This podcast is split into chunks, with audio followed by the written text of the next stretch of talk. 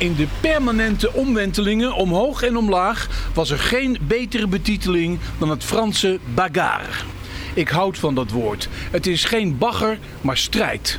Het was ieders wens voor de tweede Alpenrit, maar daarvoor moest ik andermaal iets ongewenst beleven als volger.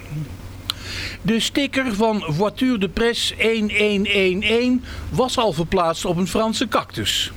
Nu moest hij op het raam van een Skoda volgens de overwegingen van de ANWB Alarmcentrale.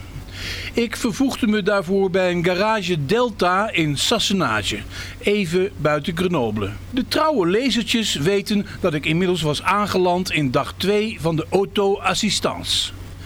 Ik meende dat het wisselen van de voituur nu eens soepel zou verlopen. Helaas, achter de balie bleek een Madame Delta te heersen. Onder de ogen van bedeesd toekijkende, niet onbekoorlijke Franse jonge dames beet ze me toe dat ik de Skoda niet mee kon krijgen als ik geen zorg had gedragen voor het verwijderen van de cactus.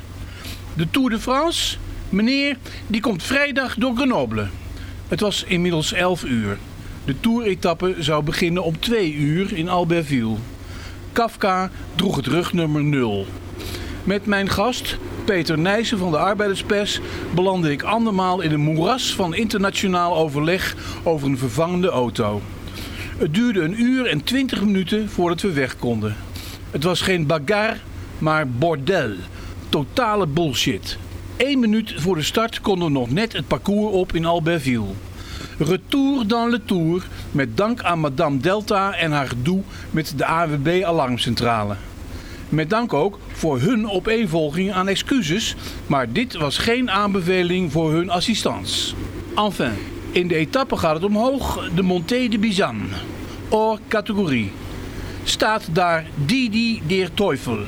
Hij was nog volkomen in rusten met zijn vork.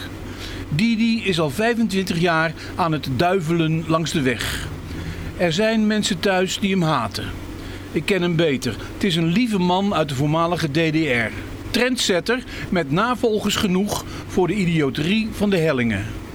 Ik zag geen Froome-hooligans, ondanks de voorspellingen. De omstreden Brit haalde op weg naar La Rogère de enige man in die nog echt wat betekent met een Franse achternaam. Tom Dumoulin. Wat zal die veelvuldig klinken in de beklimming van L'Alpe d'Huez, waar de woeste Hollandse horden wachten. Bagarre Dumoulin.